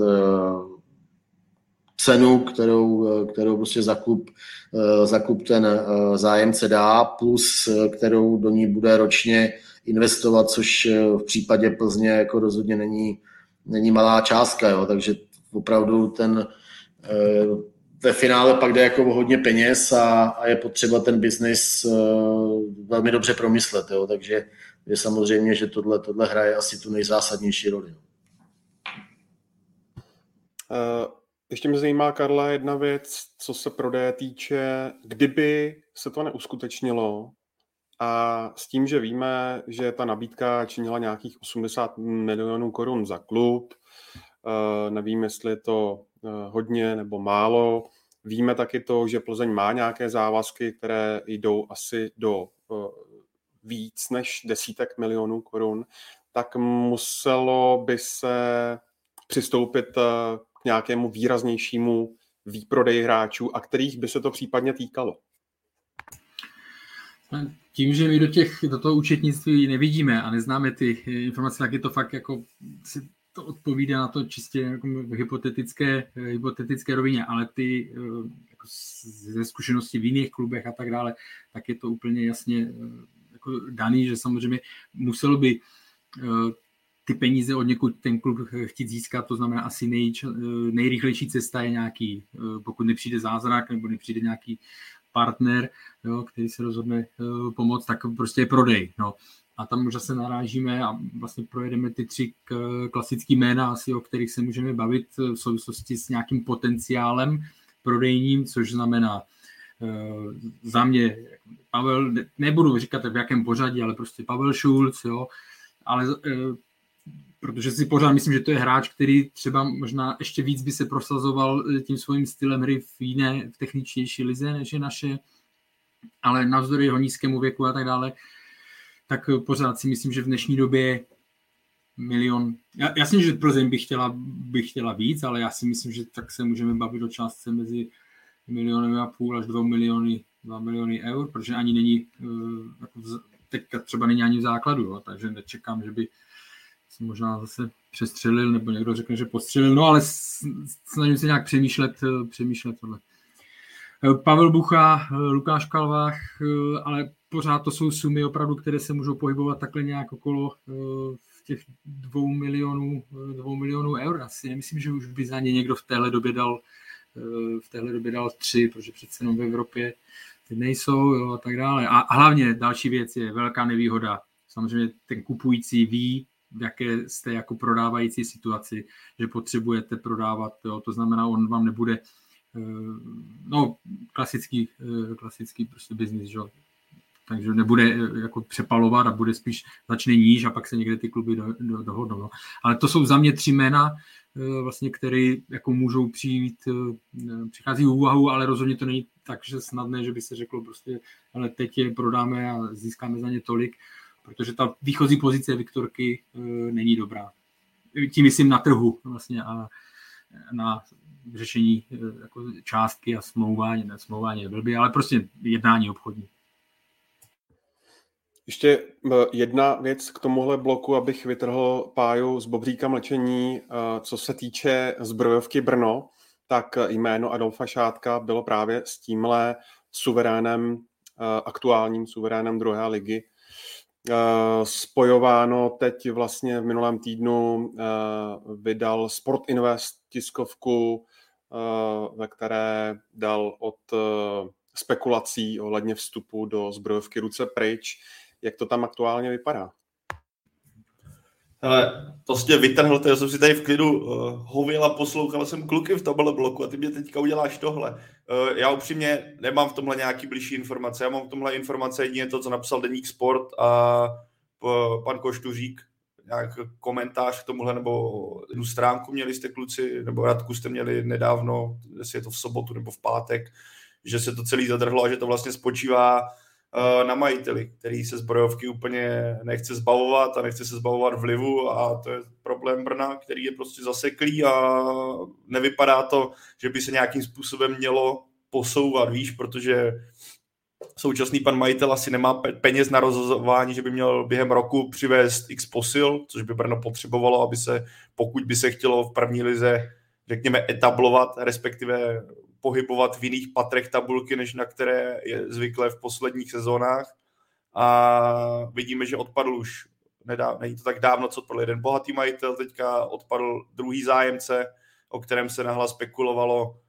A Brno teďka je prostě v začarovaném kruhu a pokud tam nenastane nějaká změna uh, smýšlení k tomu, kam by měl ten klub směřovat, tak si myslím, že v případě zbrojovky v následujících měsících, pokud tam skutečně nenastane nějaký zvrat, se nečekaný zvrat, tak se nedočkáme nějakého velkého progresu. Pro mě prostě Brno, pokud by postoupilo teďka do první ligy, tak bude zase týmem, který se bude pohybovat ve spodních patrech tabulky, protože ten kádr dle mého nemá na to, aby nějakým eh, způsobem atakoval vyšší příčky, pokud do něj nepřijde nějaká výraznější investice. Uvidíme, ale samozřejmě se mluví o Adolfu Šátkovi, který to zavrhl a asi to teďka není téma, ale tak uvidíme, jak bude vyvíjet se situace v Plzni, že kdyby tam bylo skutečně přišla radikální, eh, jako, koupil by to majitel, který by radikálně řekl, že pan Šádek tam nebude mít tak silnou pozici, je možný, že tady tahle eh, celá kauza, nebo kauza, tenhle ten příběh Brno Adolf Šádek se třeba obnoví, že ta, ty rodinné vazby mezi majitelem Brna a panem Šátkem jsou a vidíme, jak často se ty příběhy najednou dokáží během pár měsíců otočit, ale v současnosti žádný takový zprávy a kluci to asi potvrdí, že, že by to nějaká intenzivní kooperace nebo intenzivní komunikace v tomhle směru probíhala asi není, takže eh, takže zbrojovka si žije svým, svým způsobem dál pod vedením pana Bartoňka.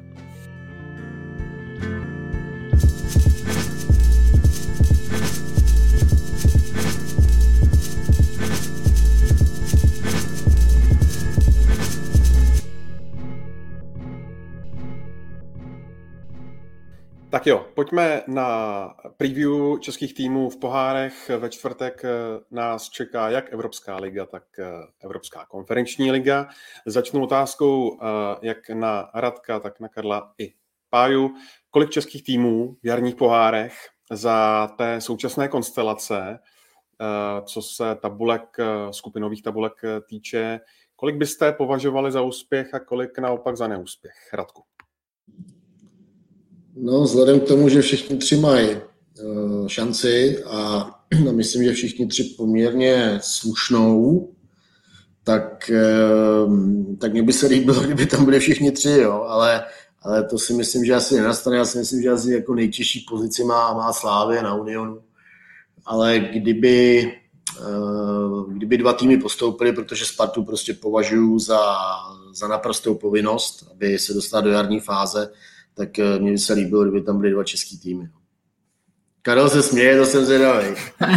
já si chtěl říct taky dva, jo, ale eh, já si chtěl říct taky dva a vlastně když jsem pak, ne, ty jsi zmínil Spartu za povinnost, ale my si k tomu by asi dostaneme, ale jako eh, co se týká aktuální formy, tak je to úplně převrácený v porovnání s tím, co byl první zápas. Jo? Ale k tomu se dostaneme. Za sebe dva by byly úspěch, protože Slavia při, eh, při veškeré její kvalitě, kterou v Evropě dokázala tak hrát na Unionu rozhodující zápas šestý tým Bundesligy, to není jako to není eh, prdel, takže ale jo, jako ať, to, ať to neprodlužu. Za mě dva týmy bych považoval za, za úspěch do jarní části evropských pohárů. Já bych tomu dodal jenom, pokud český, Česká liga nebo český fotbal chce uvažovat o tom, že 15. místo v koeficientu nakonec urve, protože se teďka propadla až na 20. ale ten rozdíl mezi 15. a 20. jsou desetinky, tak pokud o tom chce český fotbal uvažovat, tak musí postoupit dva týmy. Jinak je to bohužel velký špatný. No. Protože Dánsko tam má čtyři koně, já nevím teďka přesně, teďka z hlavy nevím, kolik jich může postupovat, anebo ne, nemám to teďka No tak hlavně ti můžou dva z nich postoupit na úkor na českých, úkor, přesně tak, přesně no. tak. Mak, že jo, máš tam, Řecko tam je, že jo, Turecko tam má taky silný zastoupení, takže prostě dva, pokud cokoliv pod dva týmy za současné konstelace, tak to pro mě bude zklamání a bude to velký problém pro koeficient. Ale všichni ti, co se tady prsí v tom stylu, že ostatní týmy jsou jim jedno, jak, se, jak by si měli uvědomit, že to, že když se povede Slávy, ale nepovede se Spartě, tak je to jako z nějakého konkurenčního hlediska super asi pro fanoušky toho daného klubu, ale ten nepostup Sparty potom potrestá i Slávy, protože v dalších sezónách hold už ta pozice pro ten postup do lepších soutěží nebude tak dobrá kvůli tomu, že v koeficientu tím jako nenabádám slávisti fandit ze Sparty a Spartení. Pavel vyzývá k jednotě, je to hezký, Pavel vyzývá. Ale, tomu, ale pohárek ano, vyzývám k jednotě. Spojme se, spojme naše síla, spojme naše srdce ve prospěch českého fotbalu ať ten koeficient tam máme. Ne, já, bych to, já bych to nechal na nich. Já, já si dělám samozřejmě Já vím, já vím. A na nás neutrálech, ať to, ať to táhneme. My neutrálové, ať to táhneme. Jako. No. Karle, ty už byl zase vážný, jako že bych tady sundal tričko Sparta a Slávě takhle srdíčko, ne? Ne, prostě dva týmy budou úspěch. Já jsem tě chtěl uchránit od sody, víš, na Twitteru. Já jsem zvyklý, to já už to nějak snesu. Prostě dva týmy úspěch, po dva týmy bude neúspěch a bude to problém pro koeficient. No, Sparta potřebuje proti Brandby bod, tak uh, Brandby je teď eh, v dánské lize třetí uh, za Mitulenem a Kodaní. Tak v jaké formě vlastně Karle přijíždí na letnou a ukazuje se podle tebe jako chyba, že se v tom prvním utkání hrálo, řekněme, tak nějak jako na jistotu 0-0?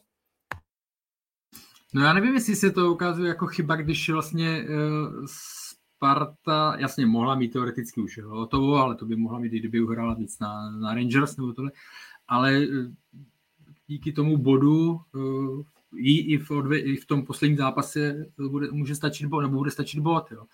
Ale co se týká formy, jak jsem naznačil, je to teď uh, naopak zatímco uh, u té Sparty vidíme, byť vyhrává taky, ale je to takový křehký, vachlatý, nejistý, tak eh, když se podíváme na výsledky uh, Brandby v poslední době, a já jsem si udělal takové dvě tabulky, jedno jsem udělal jejich bilance do zápasu se Spartou, tam do té doby odehráli v Lize 8 zápasů, jedna výhra, pět remíz, dvě porážky, skóre 11 k 12 a 8 místo. Jo? Pak ještě vlastně oni prohráli ze Senderiské, ale to už jsem započítal do té druhé, do té druhé části a po Spartě teda od zápasu se Spartou Brøndby v Lize 9 zápasů, 7 výher, jedna remíza, jedna porážka, to bylo v tom Senderiské, skóre 14-8 a vlastně za tady těch 9 zápasů jako jsou nej, eh, první místo, to znamená eh, ten posun v té tabulce byl evidentní, ty jsi to zmínil na třetí místo.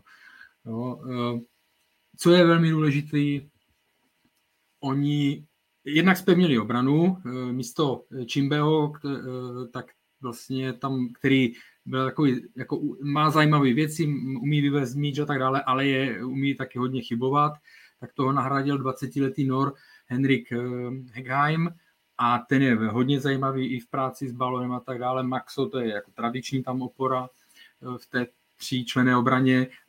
Před prvním zápasem se vlastně hodně řešilo, jestli, protože tam párkrát přeskočili na čtyřobráncový systém, ale od té doby se eh, zůstali u té, u té tří obrany a je to, je to, eh, jako funguje to eh, velmi slušně.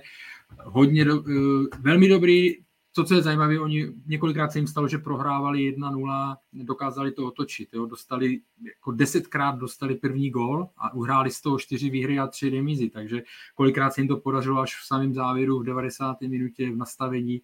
Takže tohle je vidět, že, že jsou Eh, silný i eh, tímhle směrem.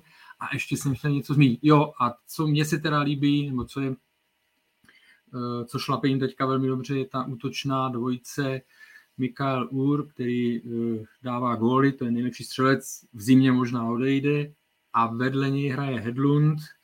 A to je hráč, který sice nemá tak jako působivý čísla, teď jsem si to, když tak si to najdu, nemá tolik gólů, ale je to obrovský pracant a na, obr- na strašně velkým prostoru fakt pracuje. A ideální spolupráce pro, pro Ura, takže jako Spartu fakt nečeká nic lehkého, protože přijede jiné, fakt jiné brandby, než jsme viděli.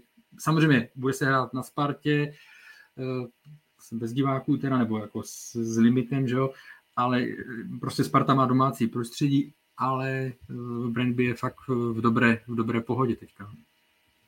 Což se o Spartě říct nedá, vzhledem k tomu, že ano, dvakrát v řadě vyhrála, ale vidíme, co jsme se bavili v posledním podcastu, že do ideální formy jak jednotlivci, tak i ten tým má daleko a viděli jsme opět proti Karviné, ať se vyhrálo 2-1, s posledním týmem tabulky se vyhrálo 2-1, tak opět bylo znát, že ta obrana jako skála rozhodně nepůsobí a nebýt řekl bych, nemohoucnosti Karvinských v některých momentech, tak to mohlo skončit klidně pro Spartu i hůř. Ale zase ten inkasovaný gol po v, po chybě, nebo jak to říct, po lapsu defenzivy zase na chvilku vypla, zase na, na, objevilo se okno. A tohle je, jak takhle, kdyby se Sparta chtěla prezentovat proti Brandby, který, jak přesně Karel popsal, nebo Karel teďka popsal situaci Brandby, kdyby to takhle chtěla pre, prezentovat, tak já myslím, že bude trestána mnohem tvrději, než se jí to stává teďka v domácím prostředí, nebo po, jak se jí to stávalo v posledních dvou zápasech domácí ligy.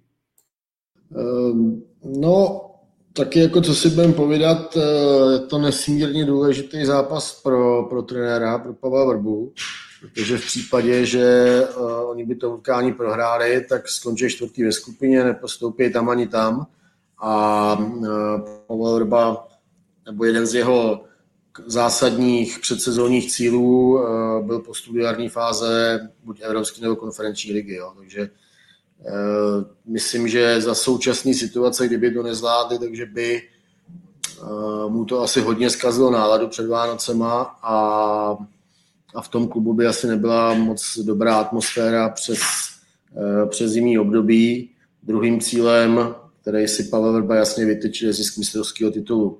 Tam jenom jako pro připomenutí ztrácí Sparta na Slávy pět bodů, jo, takže takže fakt jako důležitý zápas, možná, možná třeba i pro budoucnost Pavla Vrby ve Spartě.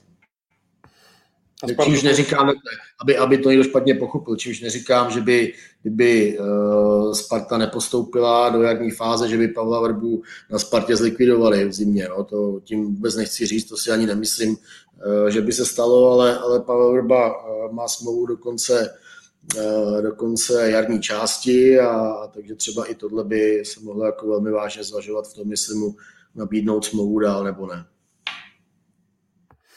A Spartu je kurz 1,7 na Brand 4. Váš tip? Pavla. Lichta. Já budu optimista. A máš to, Karle, byl se první, já si to vezmu. Bude remízička. Nejjednodušší otázka, jo, nejjednodušší prostě a tam hnedka taháš Pavla. Hele, jedna jedna remíza postup Sparty. Gol Hložek. Radku, něco řekni, já jsem chtěl říct jedna jedna. No, musím vymyslet eh, něco dobře, no, tak, tak eh, já si myslím, že to Sparta doma zvládne a že vyhrajou eh, gol dostanou s tou jejich machrlatou obranou a přístupem do té defenzívy celého týmu, takže já to vidím na 2-1 a, a neříkám, že věřím, ale ale přál bych, aby to rozhodl Adam Ložek. Slávy... Jo, to je dobrý, nemusím odpovídat. Jedna, jedna. Ve mně se to pere. To moc. Dobře. Chci být negativní před zápasem, no, tak jedna, jedna. jedna. Pojďme na Slávy, to stačí taky bod eh, a čekají, čekají odveta s Unionem eh, Berlín, nad nímž v tom prvním utkání Eh, vyhrála, teď jede do Berlína, Union se hezky naladil v Bundesligové předehrávce, protože porazil Lipsko, to pak odvolal trenéra dokonce, tak eh, jaký to bude zápas, Karle? Hmm, na jednou. Uh... Karle, ty jsi vypadal, těžký, jak, těžký. jak když tě vyvolají k tabuli, hele, vypadal no. tam prostě přesně. Zase já těžký zápas, no, a, uh, ale, jak se, ale jako to, co, uh, když bych to vzal jenom čistě pohledově, jo, Union Berlin šestý tým Bundesligy, jak jsem říkal, jestli jsem se díval správně, tak jako to jako je kvalita. Byť ten tým nemá tak velký název, jako jak, bychom, jak jsme zvyklí, nebo kdybychom jmenovali, já nevím, eh, Gladbach a tak dále, nebo tady ty týmy s, tradičnější, tak Union Berlin nemá takový zvuk, ale prostě jestli jste šestý Bundeslize, tak to umíte docela dost. To, co mi dává nějaký, řekněme z pohledu nás, jak to zmiňoval Pavel, nás neutrálních, jo, fanoušk, jako fanoušku nebo těch, co se, samozřejmě je pro nás tabulka koeficientu důležitá, tak to, co mi dává jako naději, aby to dopadlo aspoň tím bodem, je, že Slávia se teď nachází v téhle fázi ve velmi dobré, ve velmi dobré formě, v pohodě, směrem hlavně odzadu, což bude důležitý. Jo, takže a zkušenosti prostě starý těch zápasů má, takže věřím, tak jako se přeju Spartě, Jablonci, Slávy, tak věřím, že no, přeju Slávy, aby to zvládla a zůstanu, ty se budeš ptát na typ, tak já zase nechám všechny 3-1-1 na, na čtvrtek, takže jedna jedna. Ono je potřeba zmínit jednu věc, že zatímco, když se podíváme teda na tabulku Bundesligy, tak zatímco venku Union má získaných 6 bodů, tak co se týče domácího prostředí, tak jsou lepší jenom dva týmy, a to Bayern a Dortmund. Jinak Union je doma extrémně silný a bude to pro Slávy v tomhle směru jako pořádná výzva. Ano, je to bod, ale viděli jsme obecně, že Slávy úplně na, na remízu hrát neumí, respektive i sám trenér Trpišovský pravidelně říká, že nechce hrát na remízu, což, což je dobře. A respektive další věc, je dobře, že Slávě se před tímhle zápasem dostala do větší pohody, než tomu bylo třeba měsíc cca zpátky.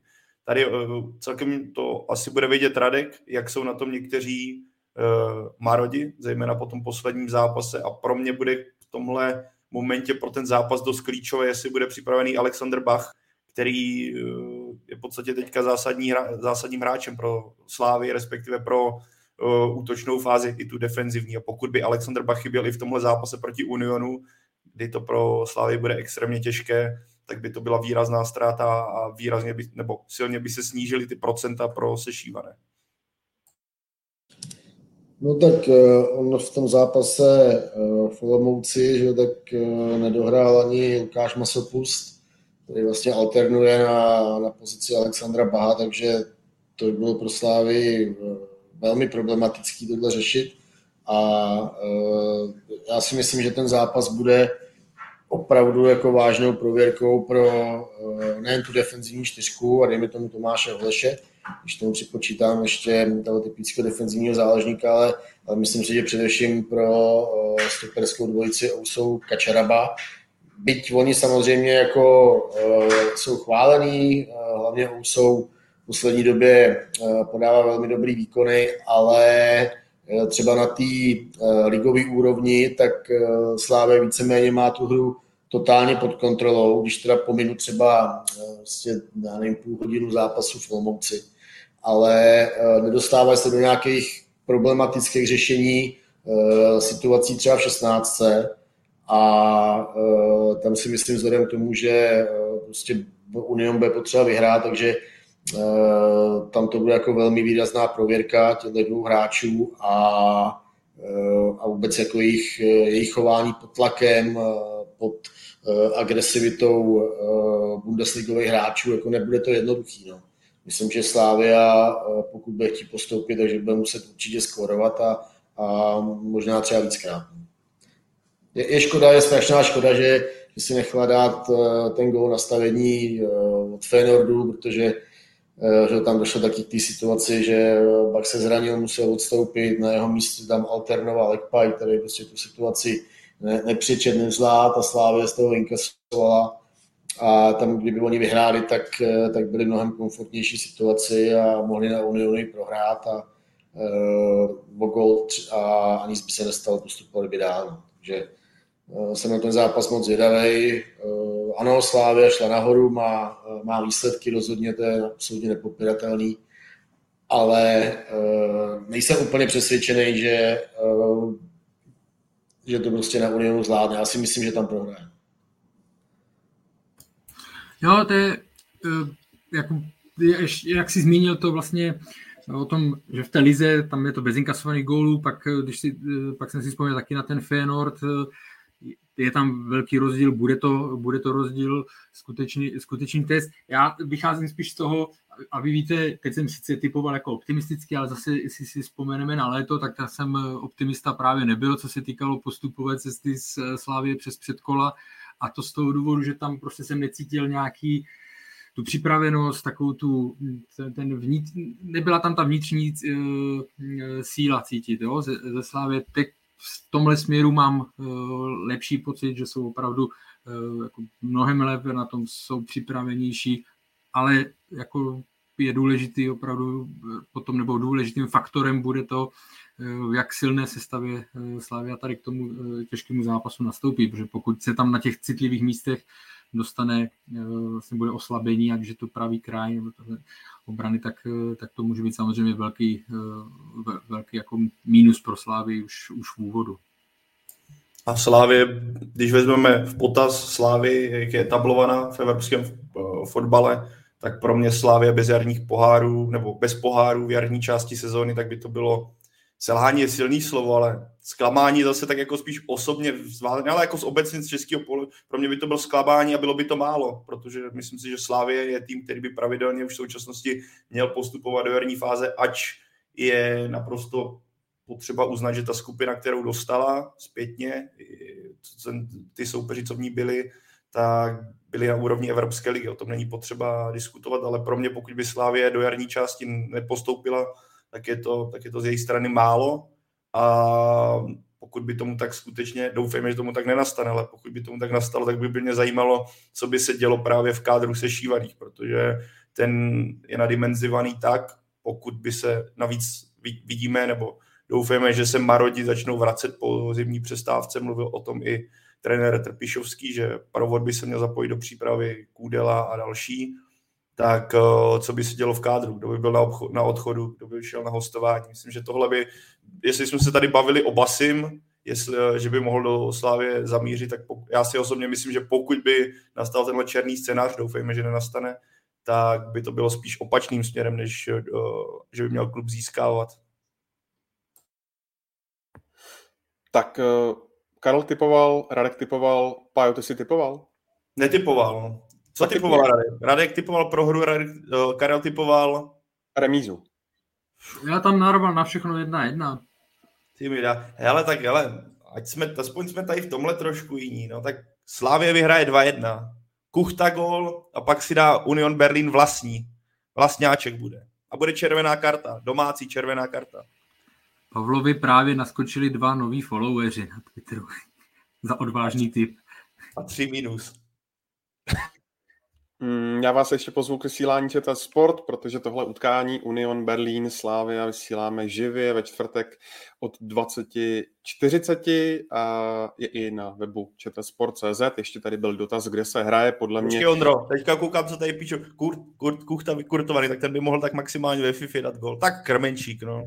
Kde si bude hrát? Hraje se, pokud se nepletu, Radku, na olympijském stadionu, krásném, berlínském. Um, No, pojďme ještě v rychlosti. No, no, tam je nějaká varianta ještě, že by se hrál u nich, nevím, eh, právě dneska to nějak budu zjišťovat. Jo. Eh, epidemickým opatřením, že pokud by tam nemohli lidi na stadion, já si myslím, že poslední teda informace bylo snad pět tisíc, jako že by mohlo přijít, jo, takže je možné, že to budou hrát třeba na svém stadionu. No, je, je pravda, že s kapacitou 75, co má olympijský stadion, by to možná vypadalo trošku nepatřičně.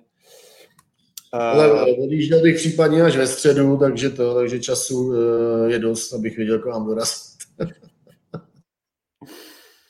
Eh, ještě si dáme eh, Jablonec, taky další zástupce český, rovněž jako Slávia v konferenční lize. No a tým Petra Rady potřebuje v Kluži ideálně vyhrát, zároveň ovšem musí doufat, že Renders neuspějí na půdě Alkmáru. Eh, myslíte, že to v silách severu Čechu, respektive jejich soupeřů je, tuhle tu kombinaci zvládnout?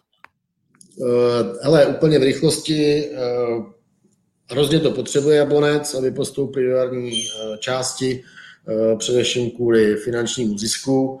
Uh, Kůživo nic nejde, já si myslím, že tam Jablonec vyhraje a že budou mít kliku a a Renders nevyhrajou Falkmáru a tím pádem postoupí. To bylo razantní, to bylo razantní ukončení, to byl takový ten return po tom servisu, co tě, na kterýho zůstaneš jen stát a říkáš si kvalitní na, na, na line, nejde přidat. Jo, ale tak tady se pak můžeme bavit jenom proto, jest, uh, kdyby Jablonec náhodou vypadl, jestli by mu to nepomohlo vzhledem k tomu, jak vidíme, jak eh, tým reaguje po evropských pohárech, ale Radek zmínil zásadní věc, o kterou jsme se bavili s Luďkem, a to jsou peníze kvůli té kauze. Takže Jablonec bude potřebovat každý milion, který by kápl, takže eh, v tomto směru pro Jablonec přesně důležitý. A, a u českých týmů já vždycky typuji optimisticky, jak říkal Radek, Kluž, Kluži o nic nejde a věřím, že to Jablonec zvládne a nakonec tady můžeme za týden bavit se o tom, jak to bylo super a třeba postoupí tři týmy. To by bylo krásný jsem se zasnil. No a Karle, myslíš, že ten impuls třeba uh, Jablonec dostal právě, uh, právě o víkendu na Bohemce, kde vlastně vyhrál 2-1 i v devíti? Samozřejmě jim to může pomoct jenom, protože si trošičku, ne že otvrkli, ale jako prostě konečně to v lize z jejich pohledu zvládli, takže jim to může jenom pomoct chápu to, co myslí Pavel, nebo to, co zmínil, jako že by jim to možná v lize pomohlo, ale ty hráči stoprocentně do toho nejdou do takového zápasu s tím, že by přemýšleli, jestli potřebují mít na jaro větší soustředění v boji o první, já nevím, jestli šestku, nebo aby pronikli do té střední skupiny. Pro, pro, pro spoustu z nich to bude jeden z nejdůležitějších zápasů v, v kariéře, protože ve chvíli, kdyby Jablonec postoupil do jara, tak je to velký úspěch pro ně. Jo historický úspěch pro klub, takže eh, a s tím do toho ty hráči půjdou bez jakéhokoliv eh, kalkulu, co by to znamenalo pro, pro Jaro a, a ty finance jsou tam eh, opravdu důležitá, důležitá součást toho. Radek musí běžet, vidím to na něm, je jak na trní, takže díky moc, Radku, my to ještě doválčíme. Ale mějte se krásně, všichni zdravím, ahoj. Díky Radku, mě se taky. Ahoj. Čus. No, uh, takže Velký to jsme hlavy. krásně. Se odtahuju trošku od kamery, no. Ještě si pojďme něco na závěr říci o tom krásném vánočním no. vydání tohoto, tohoto oblíbeného magazínu. Jsem. Tak Pavle, jestli k tomu něco chceš, ale já začnu. Uh, ne, děkuji, děkuji. Je to teda, jak je tam vidět i z toho, je to derby číslo, byť ty hráči už vlastně teď nejsou proti sobě, ale hrajou spolu, tak já jsem rád, že se nám podařilo konečně udělat číslo věnované derby nebo rivalitě jako takové. A snažili jsme se to probrat nejenom eh, prostě jako z, otáz, z pohledu klasických, já nevím, Boca River, článek tam o tom samozřejmě je, o superklasiku, ale snažili jsme se to i trošku eh, jako do jiných, do jiných eh, rovin to dá, takže eh, byť to je možná překvapivé, tak otvíracím textem je vlastně příběh eh, bratrů Dasslerových, že jo, Adolfa a Rudolfa, zakladatelů Adidasu a, a, a Pumy a, a Luboš Brabec, to se psal výborně, ale to, samozřejmě jsou tam i věci týkající se jihoamerických derby.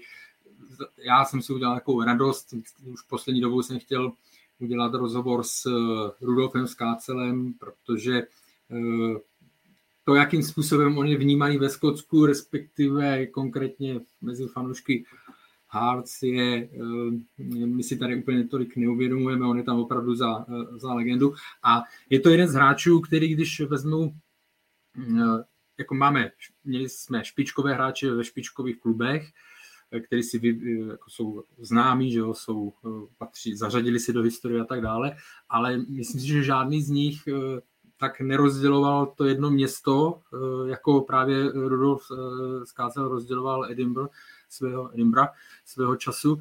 A uh, protože fanoušci Hibernie nám zase pro změnu fakt nesnáší a hezky si tam o tom povídáme, zaspomínali jsme i na éru, vlastně po jeho příchodu na éru majitele Romanova a my, věřím, že to bude, že to bude bavit ten, ten rozhovor. A jestli můžu teda, vy... promiň? Povídej, já jsem jenom chtěl, že tam jsou krásně až, až filmově znějící titulky jako Chaos v Sofii nebo Genghis Birmingham. Tak to, eh, ano, Genghis Birminghamu to jsme použili na uh, vlastně takové porovnání, protože londýnská derby všichni znají, že? ale vlastně Birmingham, byť uh, Wolverhampton není jako Birmingham, že? ale je to prostě braný ta uh, lokalita, tak tam jsou vlastně čtyři uh, druhy, nebo čty, čtyři týmy, uh, Birmingham City, Aston Villa, West Brom a Wolverhampton a třeba mezi West Bromem, nevím, kdo všechno to ví, a mezi West Bromem a Wolverhampton panuje obrovská, obrovská rivalita. Tak je to tam jako tak z různých úhlů pohledu. A House Sophie to je mm, vlastně, kdo to pamětníci budou vědět, že bylo finále bulharského poháru, ve kterém se hrál Levsky proti CSK a tam došlo ke strašné rvačce mezi hráči a v jednu chvíli to vypadalo, že ty kluby zruší jo, hráči, včetně jednoho známého, ať vám nechám tak nějaké překvapení, eh, dostali do životní dištánc, ale pak to samozřejmě eh, byli, byli omilostnění. Takže snažili jsme se to něco z historie, něco, něco z Evropy, prostě aby to bylo, aby to bylo pestré a, a předtěsně před vysíláním jsem se dozvěděl takovou novinku, že máme akci, jestli to můžu zmínit, když budete objednávat a zadáte promo kód Vánoce, všecko verzálkama krátce, tak tam vykoukne nějaká sleva. Je to úplně čerstvá, čerstvá novinka. Takže děkuji za prostor, Ondro. Kdo nemáte, objednávejte.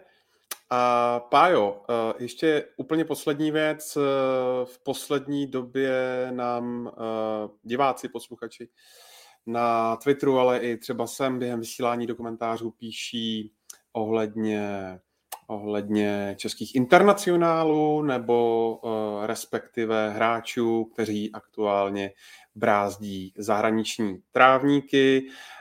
jeden z diváků píše zda se přeslechl, anebo jsme vůbec nezmínili výkon Patrika Šika, který dal v dresu Leverkusenu o víkendu Firtu eh, čtyři góly a na jeden nahrál. Tak bych jenom rád zmínil, že asi v některém eh, z příštích dílů si jako jedno z témat dáme právě tohle.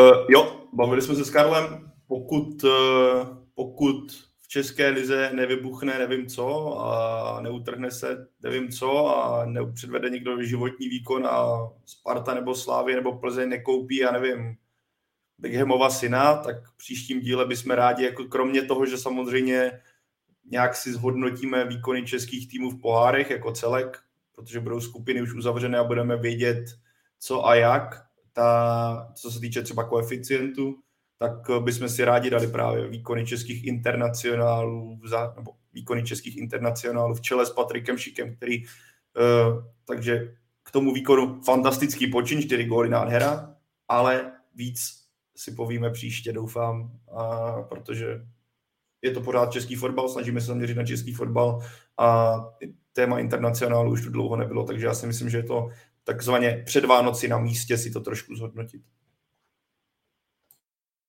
Tak jo, moc eh, děkuji Karlu Heringovi, Pavlu Jahodovi a nadálku taky Radku Špriňarovi za vaše názory, za váš čas a, a za to, že jste tady zase se mnou byli uh, krásnou hoďku a půl, takže díky. Taky děkuji za pozvání. Taky děkuji Ondřej za spolupráci.